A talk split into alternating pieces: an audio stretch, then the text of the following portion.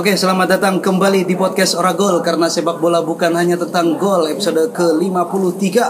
Yes, yes, yes, yes, yes. Saya Ikhlas Alfarisi sebagai host dan teman saya Arcia Afrian selamat malam. Halo, saya Arya Rian.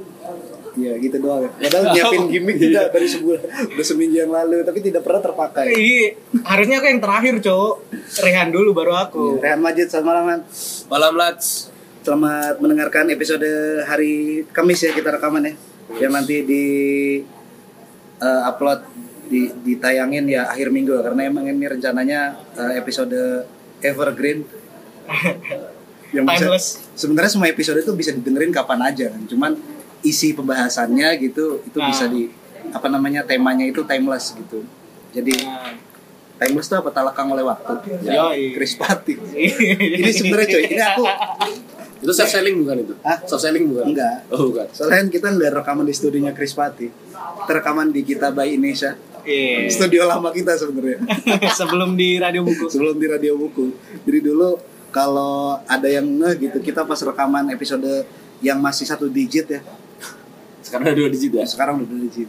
Qatar ini membunuhku gitu, tulisan pertamanya Rehan juga ada di sana ya kan. Bukan tulisanku sih itu. Aku tidak bisa menemukan tulisanku di situ. Dirombak total.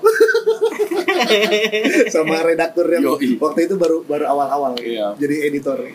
Shock aja. Kok jadi gini tulisanku nih. Ini PR juga nih karena kita rekamannya outdoor nggak di studio eh, apa namanya konsep apa konsep ruangannya juga ya nyampur aja gitu sama pelanggan jadi kita rekaman sambil ngopi dan suara yang mungkin secara artikulasi kurang eh, kurang tajam gitu nanti ya PR buat yang edit sih dan yang edit adalah saya agak sulit memang. Di episode ke-53 ini kita bakal ngobrolin tema yang sebenarnya nggak on this day on this day amat sih, tapi secara bulan ini sebenarnya memorable gitu kan di bulan Juli ini gitu kan kalau misalnya kita flashback di tahun 2016 Hmm. itu ada momen yang eh, sangat kalau kalau kalau bisa dibilang momen pembelajaran bagi negara-negara yang berusaha memajukan sepak bolanya gitu. Yes. Jadi di Piala Dunia 2016 kan kita tahu yang menang Portugal Eropa, ya. Eropa. Iya iya iya. Piala Eropa 2016 Piala Eropa. Di Prancis. Hmm. Itu kan kita tahunya yang juara itu Cristiano Portugal. Ronaldo. Portugal dong. Cristiano Ronaldo kan. Portugal dong. Kayaknya seneng dia doang.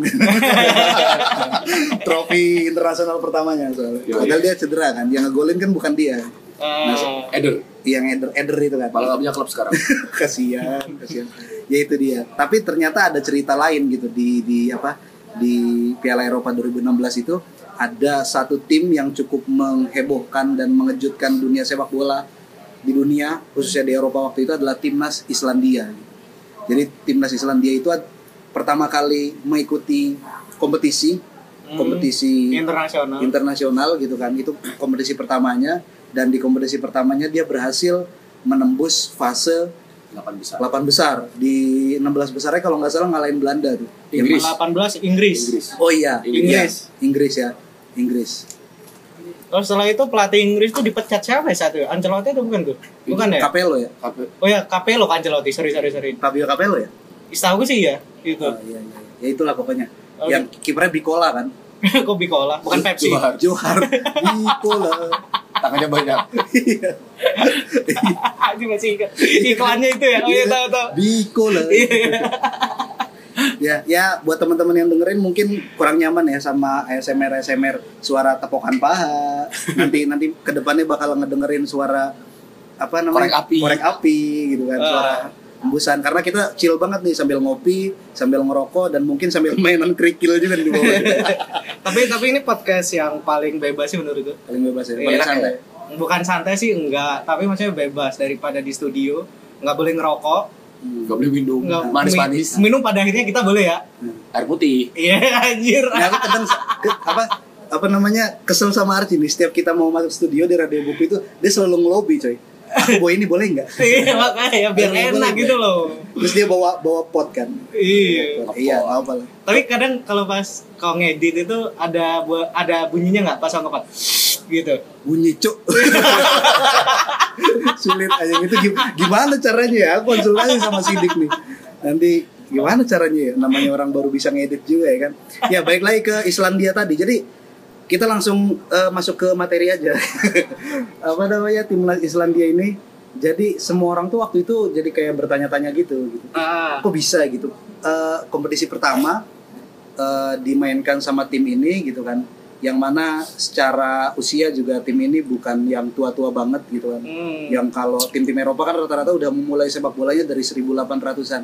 Nah, ini justru hampir sama kayak perjalanan sepak bola Indonesia dari 1930. Iya, iya. Nah, jadi kalau misalnya melihat sejarahnya, ya tim Islandia ini baru benar-benar aktif secara timnas itu ya 1930. Pertandingan pertama itu lawan Kepulauan Faro. Menang 1-0. Terus di 46 itu lawan Denmark kalau nggak salah. Itu kalah gitu. Nah, kita Masih di wilayah Skandinavia itu ya. Hmm. Nah, langsung Ah. kita bacain sejarahnya dulu nih.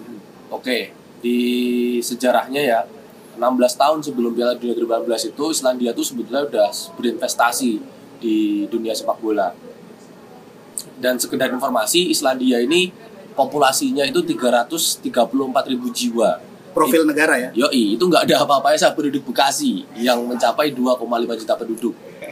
Dan kemudian eh, di dunia sepak bola yang tadi aku bilang, ya sebetulnya sebelum Piala Dunia 2018, 16 tahun sebelumnya Islandia sudah mulai membangun berbagai fasilitas, berbagai persiapan agar negaranya juga bisa bers- bersaing di sepak bola. Hal itu ditunjukkan dengan mereka punya komitmen mengembangkan sepak bola usia dini, bahkan anak-anak umur 3 tahun sudah mulai diperkenalkan dengan sepak bola dan juga eh, di tahun 2000-an mereka juga sudah fokus untuk membuat fasilitas latihan yaitu lapangan-lapangan yang proper. Karena sedikit informasi secara geografis Islandia ini emang rata-rata suhunya bisa sangat rendah bahkan minus sehingga itu menjadi salah satu kendala sebetulnya. Ah. Orang-orang mau latihan juga sulit kan dingin banget. Pertanyaannya adalah dingin mana di Islandia sama freezer kulkas shark. Di Islandia. Oh, Islandia. Iya. Islandia. Iya, tergantung buatnya soalnya. Tergantung watt ya. tergantung buatnya. Bisa tiba-tiba nggak dingin kalau listriknya Iya. mati Nggak listrik kuat, gitu. iya. Iya. Nah, terus kemudian eh, kenapa mereka juga punya fokus membangun infrastruktur sepak bola yang baik? Karena di Islandia itu ternyata sering terjadi badai. Nah, badai-badai ini yang kemudian sering kali membawa kerikil, merusak lapangan, sehingga nggak proper lapangannya buat latihan.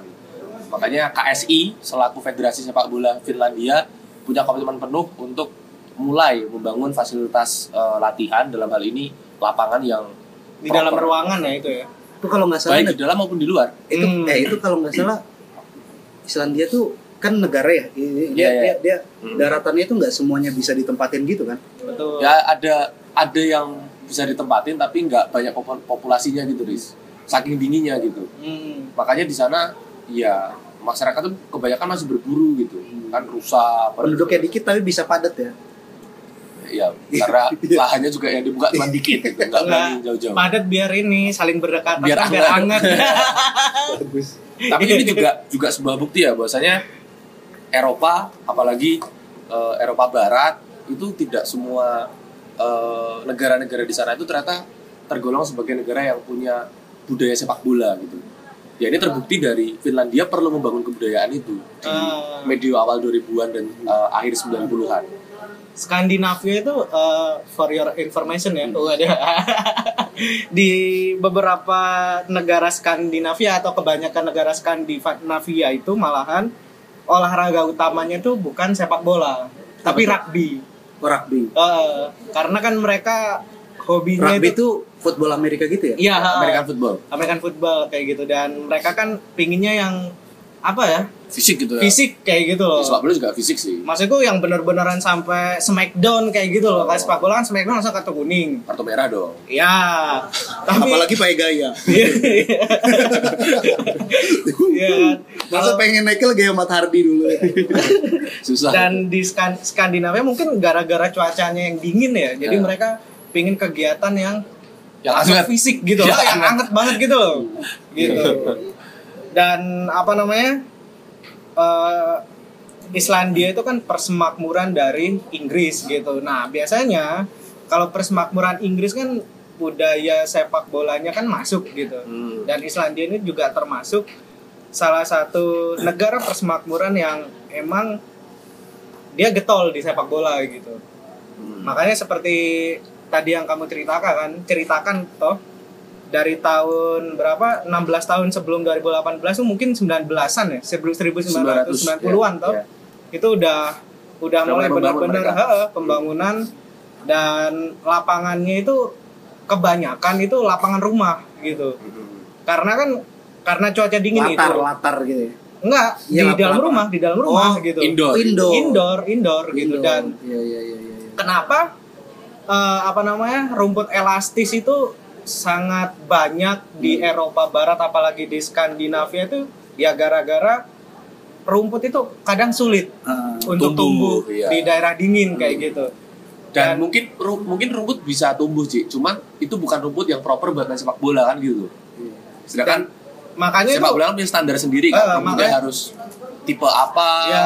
dari genus apa mungkin kan. eh, makanya itu kan dijadiin indoor agar rumput itu bisa tumbuh kembang kan. Dan aku aku jadi kayak apa namanya inget dulu beberapa pas pemain Eropa atau pemain Inggris yang sering main di rumput yang nggak elastis lalu bermain di rumput elastis itu langsung Kaget. kaget kayak gitu kayak di beberapa stadion di Jerman kan juga ada yang rumput elastis gitu apalagi bisa dipindah gitu kan pindah kadang jadi lapangan rugby jadi Iya, iya. langsung beberapa hari jadi lapangan sepak bola kayak gitu gitu Eh, tapi orang Islandia itu berarti dia lapangan bola aja kan, kan sampai indoor ya. Berarti Ah. kehidupannya kan emang lebih mencari kehangatan gitu loh. Kayak Pasti mereka dong, apa itu sumo gitu.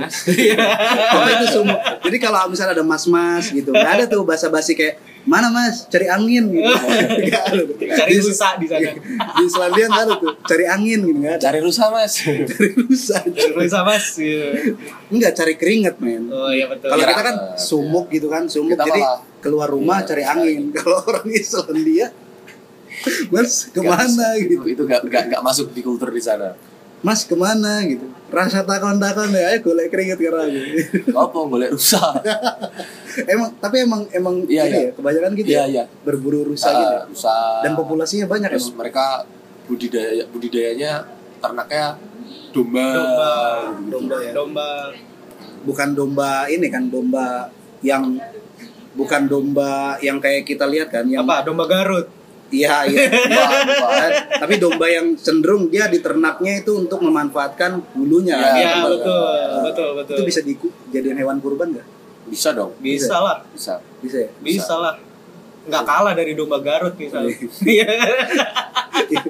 Hari raya kurban di Islandia kan? itu kalau kalau domba-domba di sana beratnya dihitung misalnya 10 kilo begitu bulu wolnya itu dihilangin tinggal 4 kilo Iya. karena lebih penting kan bulunya iya gimana ya? Dagingnya cuma sedikit. Aduh, sulit ya. Tapi nggak tahu ada orang Islam nggak sih di Islandia. mungkin ada ya mungkin. Nah, jadi negara yang di utaranya bumi ini, eh, aku tadi bercanda sama Arti. Ini keren juga nih Islandia nih kalau misalnya kita tinggal di sana gitu. Jadi kalau tanya nama orang, tinggal di mana sekarang? Di Pantura gitu. Pantai Utara. Di sono di Lamongan bukan pantai utara bumi.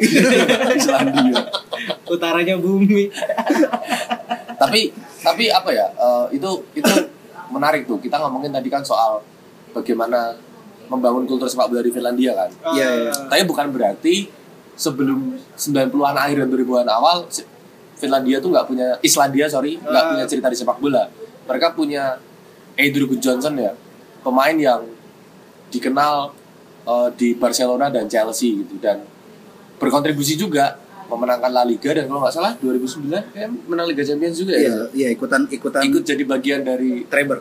treble ya Treble. treble jadi Soalnya treble is not for everyone. iya iya Sorry, nggak nggak relate mungkin dari relate ya. oke Treble relate. is not for everyone. yes yes tertentu gitu Drit? Madrid Nah, tapi eh, mungkin satu hal yang menarik sih kalau dari aku ya.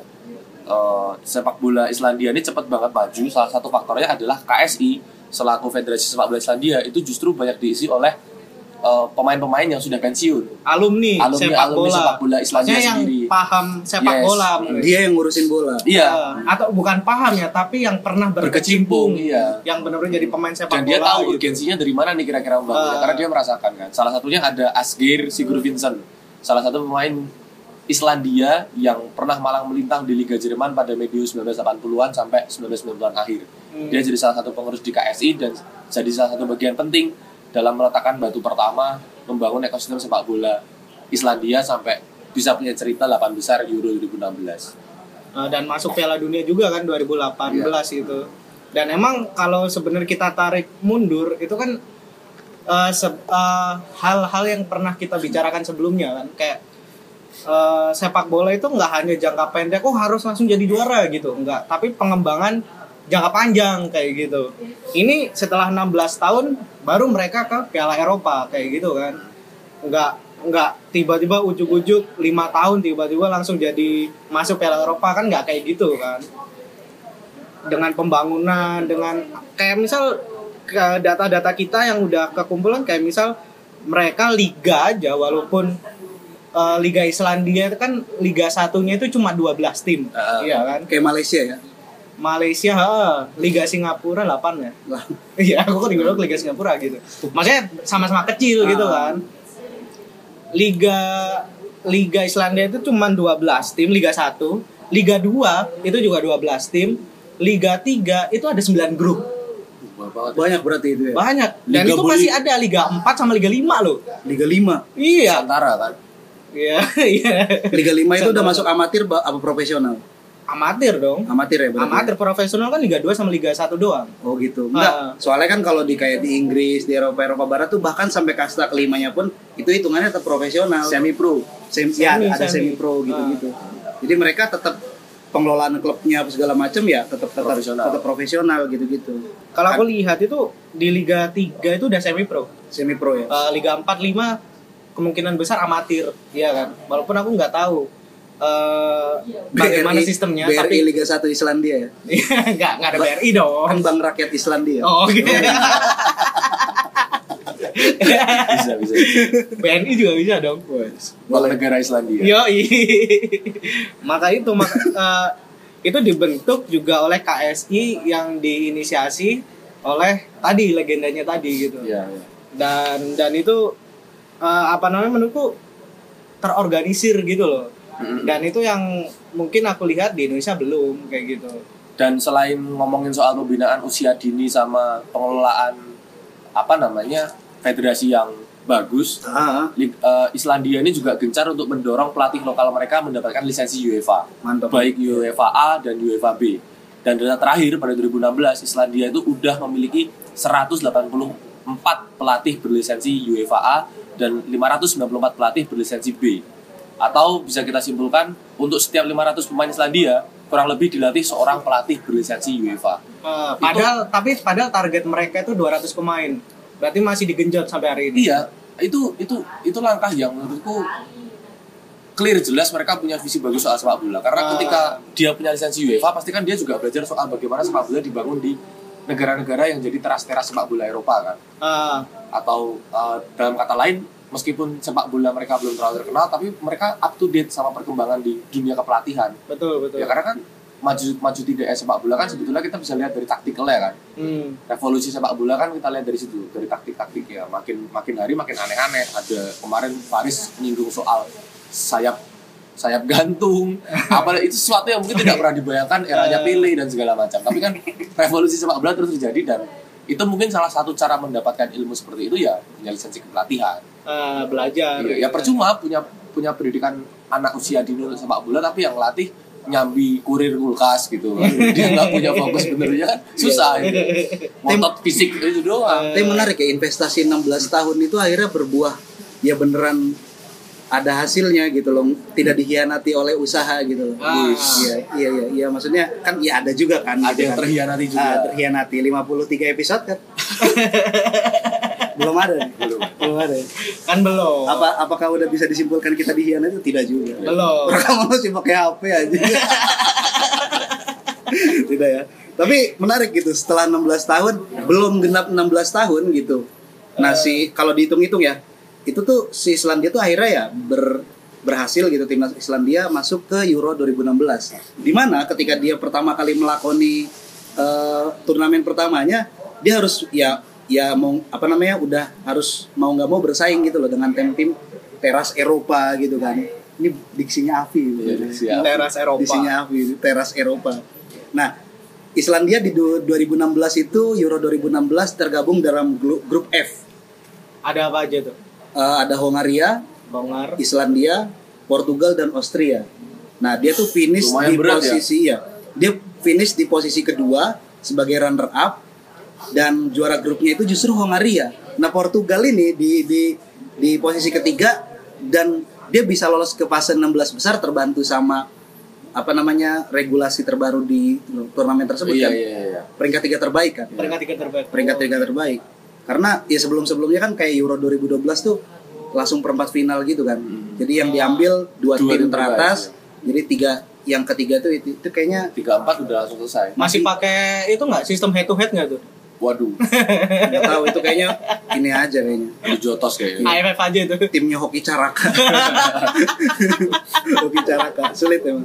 Ya ini jadi ya Portu ya harusnya gitu. Banyak orang yang kemudian menyayangkan eh, Islandia yang lagi on fire banget itu harus kandas gitu loh. Ah, dia tuh kalahnya itu kalau nggak salah sama Perancis ya. Iya. sama Perancis ya tim tuan rumah. Terus waktu itu secara komposisi juga bertabur bintang dan memang diprediksi menjadi juara ya. Hmm. tapi karena emang man- mandul aja dia di final lawan sama-sama mandul kan.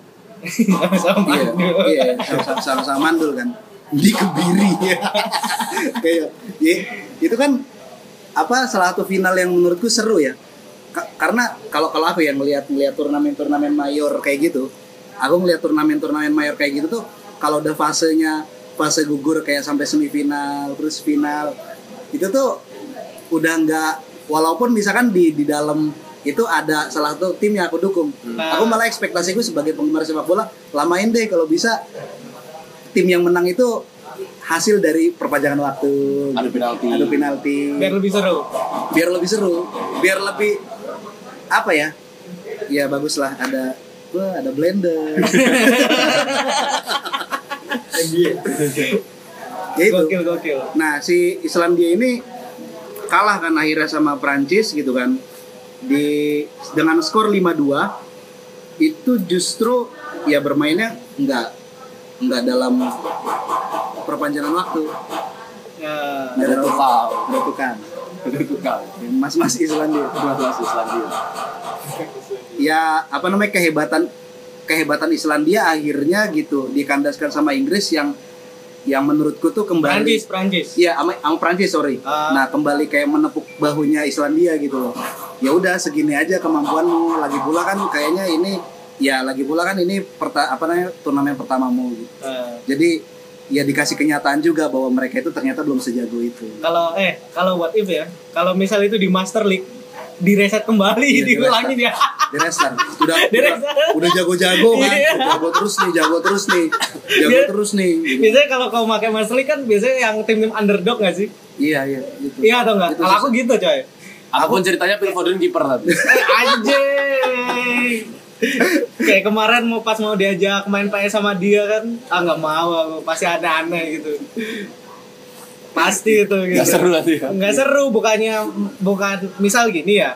Kalau lu pakai tim underdog kayak Islandia gitu ya. Tapi lu jago, ya kan? Kau jago gitu kan. Dan aku pakai Perancis misal. Hmm. Nah, itu menarik gitu kan. Tapi Karena- Dembele kiper. Ya, tapi itu yang nggak menarik kalau sama dia anjing. Ih, Dembele kan loncatnya bagus coy. Dembele. Ya itulah baik lagi ke Islandia lah. Akhirnya dia di fase perempat final itu eh, kalah kalah ya gugur oleh Eh. Prancis tim yang memang sudah dominan gitu kan. Dan emang udah di ini juga sih diprediksi kan final itu kan kalau nggak Inggris, Portugal, Prancis, Mhm. Ya Sama- I- Inggris kayaknya di setiap Eh, Belgia. turnamen tuh selalu masuk ah. prediksi sih emang. 2018 juga Iya. kayak gitu kan. Ah, ya dari 2002 juga kayaknya Inggrisnya. Inggris yang juara. Inggris lalu Inggris coming home. Coming Coming home. Dan itu ini ya kompetisi Italia terakhir ya Iya iya iya. di Eropa. Eh, Kompetisi Italia eh enggak enggak. Oh, itu 2018 ya. Eh, Ah. 2018 Piala Dunia masuk Nggak nggak sih? ikut, nggak ikut. Nggak ikut ya? Oh, jadi. Enggak, kompetisi Italia terakhir di level level internasional ya kemarin. Iya, kemarin menang ya, Kemarin menang. juara Oke, kan. oke, oke. Tapi sudah masuk. Tapi 2020 kemarin Islandia juga nggak main ya? Nggak main. Nggak main. betul. Ah. ya, ya maksudnya tadi di, dia akhirnya di, kembali ditegur oleh kenyataan bahwa Kue itu belum sejago itu men. Tetap Iya, iya, tetap iya. apa tetap legowo, tetap berproses gitu loh. Ya faktanya di tahun 2022 ini kan Piala Dunia dia kembali nggak masuk kan. Hmm, Ya, masuk lagi. kembali nggak masuk ya. Jadi apa ya kembali berproses. Kemarin tuh kayak semacam kayak semacam apa ya? Kayak mesti yang peaknya dia ya. Mm-mm. Mungkin ya peaknya dia. Karena di satu sisi mungkin ini Oh, sih itu faktornya. lagi. Waktu Turun di lagi. 2016 tuh rata-rata pemain kunci mereka tuh udah usia 25 tahun ke atas. Benar benar. Bahkan pada komposisi 2016 tuh masih ada Andrew Johnson, Ah, masih betul, ada di betul. tim itu. Jadi barangkali ya itu golden generation mereka mungkin ya. Iya iya. Kan tiap tim punya golden generation dan Mungkin sekarang Wales ya mungkin ya. Iya, Iya. Wales baru pertama kali masuk Pildun kan ini Ah, dari iya. 22 kayak dan gitu. dan komposisi pemainnya tua-tua kan. tua-tua juga Iya. kan Joe Allen, Ramsey. Ramsey, terus kemudian si Bell. Bell, itu kan udah udah tua-tua. Ah. Makanya ya tapi ya apa pun ceritanya tak pikir Islandia eh, Islandia nggak perlu punya kekhawatiran yang berlebih soal ini karena Iya, iya. mereka punya fondasi Ah. pendidikan usia dini yang baik. Orang gitu. orang yang mau berproses itu tidak tidak down dengan satu kekalahan. Iya, Bukan dikhianati oleh hasil. Kalau kamu dikritik tulisanmu monoton, salahin aja editornya. Kita mah tetap ya belajar aja gitu, belajar aja. Editornya maksud ya. Gitu, Lanjut lagi. Nah, kemudian eh, pada situasi seperti itu, tak pikir emang saat ini Islandia saatnya untuk coba meriset timnya ya, karena ya diakui atau tidak punya pemain yang berpengalaman di kompetisi Eropa itu juga penting ya. Benar Ya sekalipun kamu satu tim underdog, ada satu dua pemain yang punya pengalaman di Eropa itu penting banget lah. Misalnya kita lihat di kasus mungkin nggak tahu nih apple to apple nggak, tapi di Hmm. Euro 92 ada tim dinamit Denmark. Iya, Meskipun betul, betul, betul. secara umum komposisinya mereka adalah pemain-pemain yang underdogs, tapi mereka punya Michael Laudrup sama siapa kembarannya itu kan yang pernah main di Barcelona juga kan. Yang Ah. itu pasti punya spirit tersendiri buat buat timnya. Ya kayak Wales lah. Wales dia punya Ramsey dan Bell itu sangat ngangkat karena ya mereka bisa jadi leader di dalam ruang ganti itu by experience ya. Dia udah pernah menghadapi pemain-pemain itu barangkali dan tahu apa yang harus dilakukan. Kayak timnas sekarang punya Arhan sama Asnawi ya. Enggak juga sih Oh itu. enggak juga. Tapi Asnawi ngegolin loh kemarin. Iya, gol pertamanya. Gol pertama. Langsung katanya diincar sama Hyundai Ulsan gitu. Enggak tahu itu benar atau enggak. Gokil sekali. Emang isu. Nah, tapi eh, terlepas dari semua itu ya kalau katanya Sintayong kan kalau timnas mau bagus, liganya harus bagus. Betul. Nah, di Icelandic Premier League atau kasta tertinggi sepak bola di Islandia, mereka juga cukup ini ya eh, kompetitif meskipun aku nggak pernah mendengar tim-tim dari Islandia itu main di Europa League lah. Kalau sekarang pun ada Conference League pun kayak mereka nggak pernah eh, lolos gitu. Salah satu tim paling sukses kan mereka ada yang namanya Reds Javikur. Lengkapnya lebih panjang namanya susah. Nama-nama Islandia ini susah banget orang mana mereka ini? Orang Viking. Oh, Viking ya? Nanti aku ba- bagian terakhir deh Oh, oke, oke. soal soal Oke. Viking Club. Ada eh, ini ngomongin apa namanya? Liga-liga liga. Liga. Ya itu, maksudku eh, di tim tersukses di liganya pun Hmm. belum pernah tembus ke Eropa bahkan di kasta kedua atau kasta ketiganya. Ya mungkin ada banyak faktor ya, Kalau Conference League kita aku belum tahu deh apakah mereka masuk harusnya masuk deh. nggak masuk coy. Belum Conference- masuk sama, sama sekali. Eh Conference League yang musim ini kan belum masih kualifikasi juga kan berarti. Ah, Soalnya kan playoff Liga Champions kan lagi jalan juga kan. Ah. Kemarin kan Malmo kalah. Iya. Hmm, ya, jadi ya mungkin uh, ada kans mungkin ya, tapi kita nggak tahu akan sejauh mana. Tapi yang jelas sejauh ini belum pernah ada setahu tim dari Islandia pernah mentas di uh, Eropa, baik di tingkatan Europa League, apalagi Champions League. Gitu. Apalagi yang rasa melon nggak ada juga ya. Kan baru kemarin juga. Baru kemarin Hmm. juga. Nah kemungkinan besar bisa mentas di situ karena kan Tapi mungkin dulu Inter Toto ini mereka ikut Cup Winners Cup gitu. Klubnya belum semasif ini mungkin Iya. Cok. masih so-so lah. Eh, tapi ini loh Cok ada eh, pemain namanya Runar Alec Runarsson itu klubnya Arsenal loh Ush. dan dia kiper ya? penjaga ha, penjaga gawang timnas Islandia Oh. umurnya 27 mungkin ini apa namanya eh, penjaga gawang nomor tiganya Arsenal mungkin ya Nomor empat ya.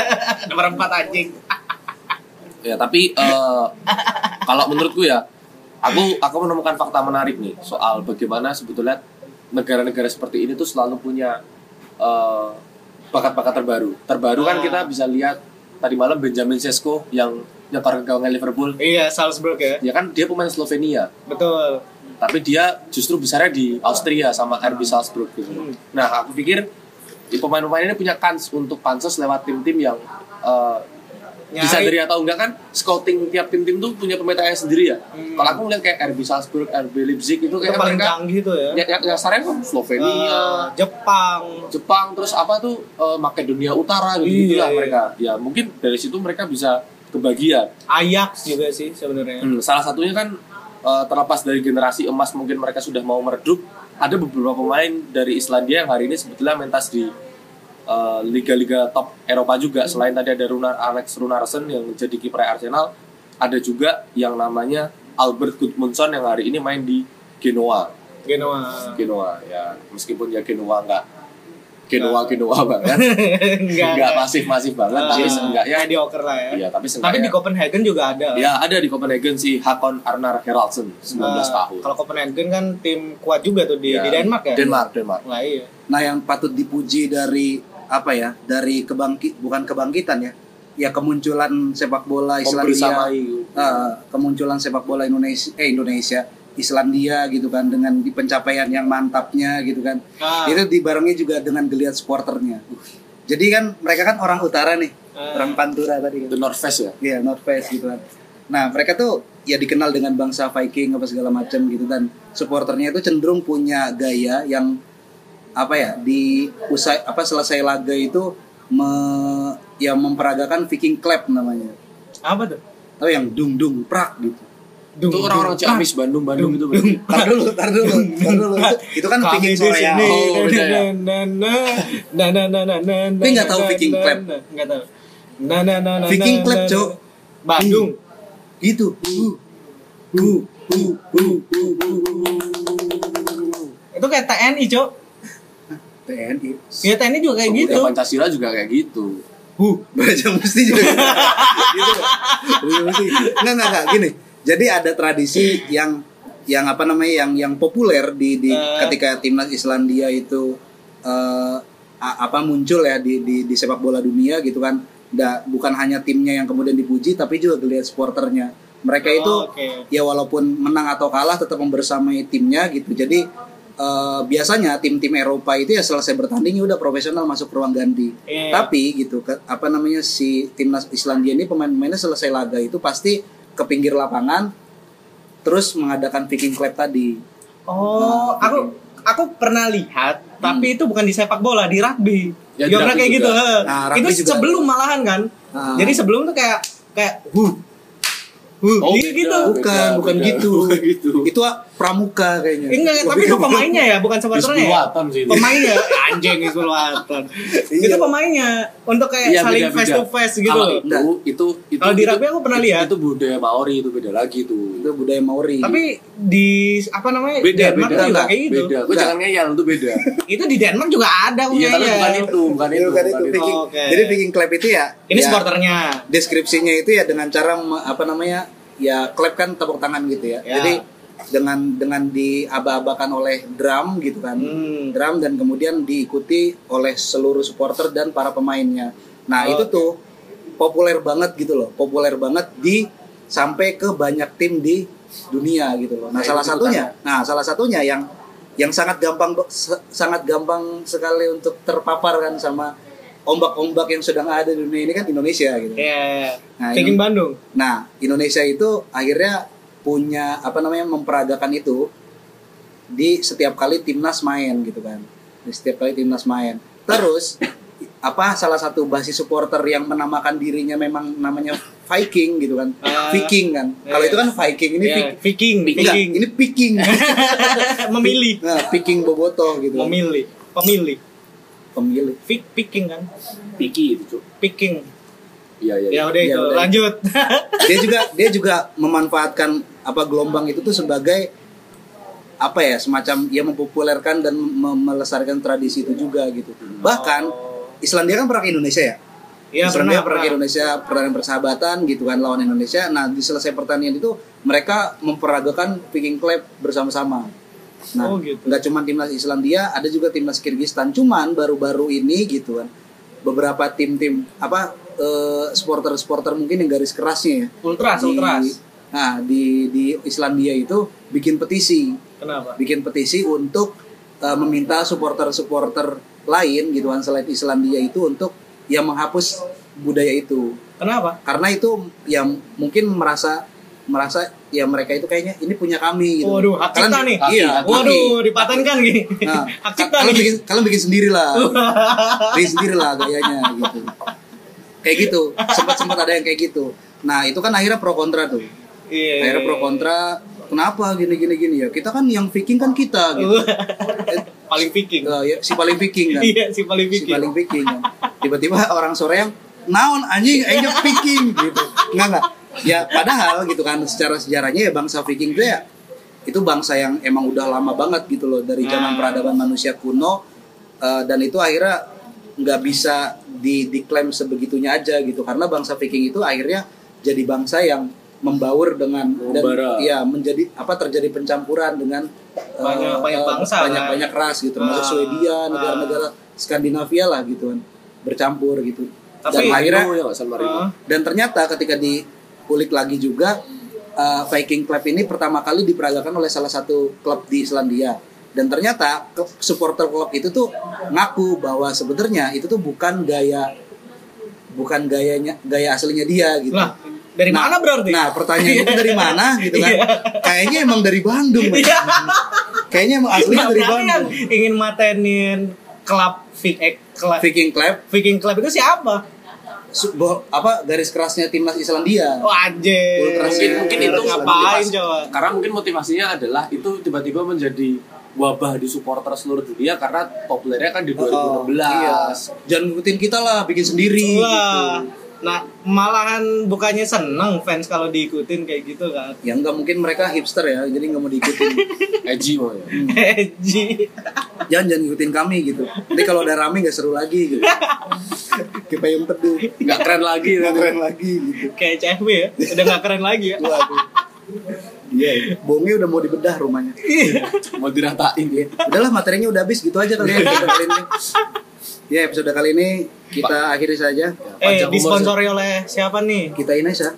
Kita Indonesia Ah. ada di Instagram, di follow, eh follow Instagram ini juga dong Oragul. Gak Oragul pernah ID. disebut sama Faris. at oragol Enggak lah, itu biar Oragul. organik aja. Organik tanpa diperkenalkan, Cok. Gimana? Ya teman-teman follow Instagram kita ya di oragol.id dan juga teman-teman kalau misalkan lagi berwisata ke Yogyakarta jangan lupa untuk singgah di Kita by Inesa itu tempatnya strategis banget ya. Jadi habis capek-capek udah menuin galeri di berfoto-foto di Taman Sari teman-teman bisa eh, ngopi-ngopi di Kita by Inesa yang catnya putih ya. Ah. jangan yang sampingnya itu kompetitor. Jadi Instagramnya kita underscore Inesa Oke. Oke gitu aja dari kita. Cabut. Sampai jumpa di episode selanjutnya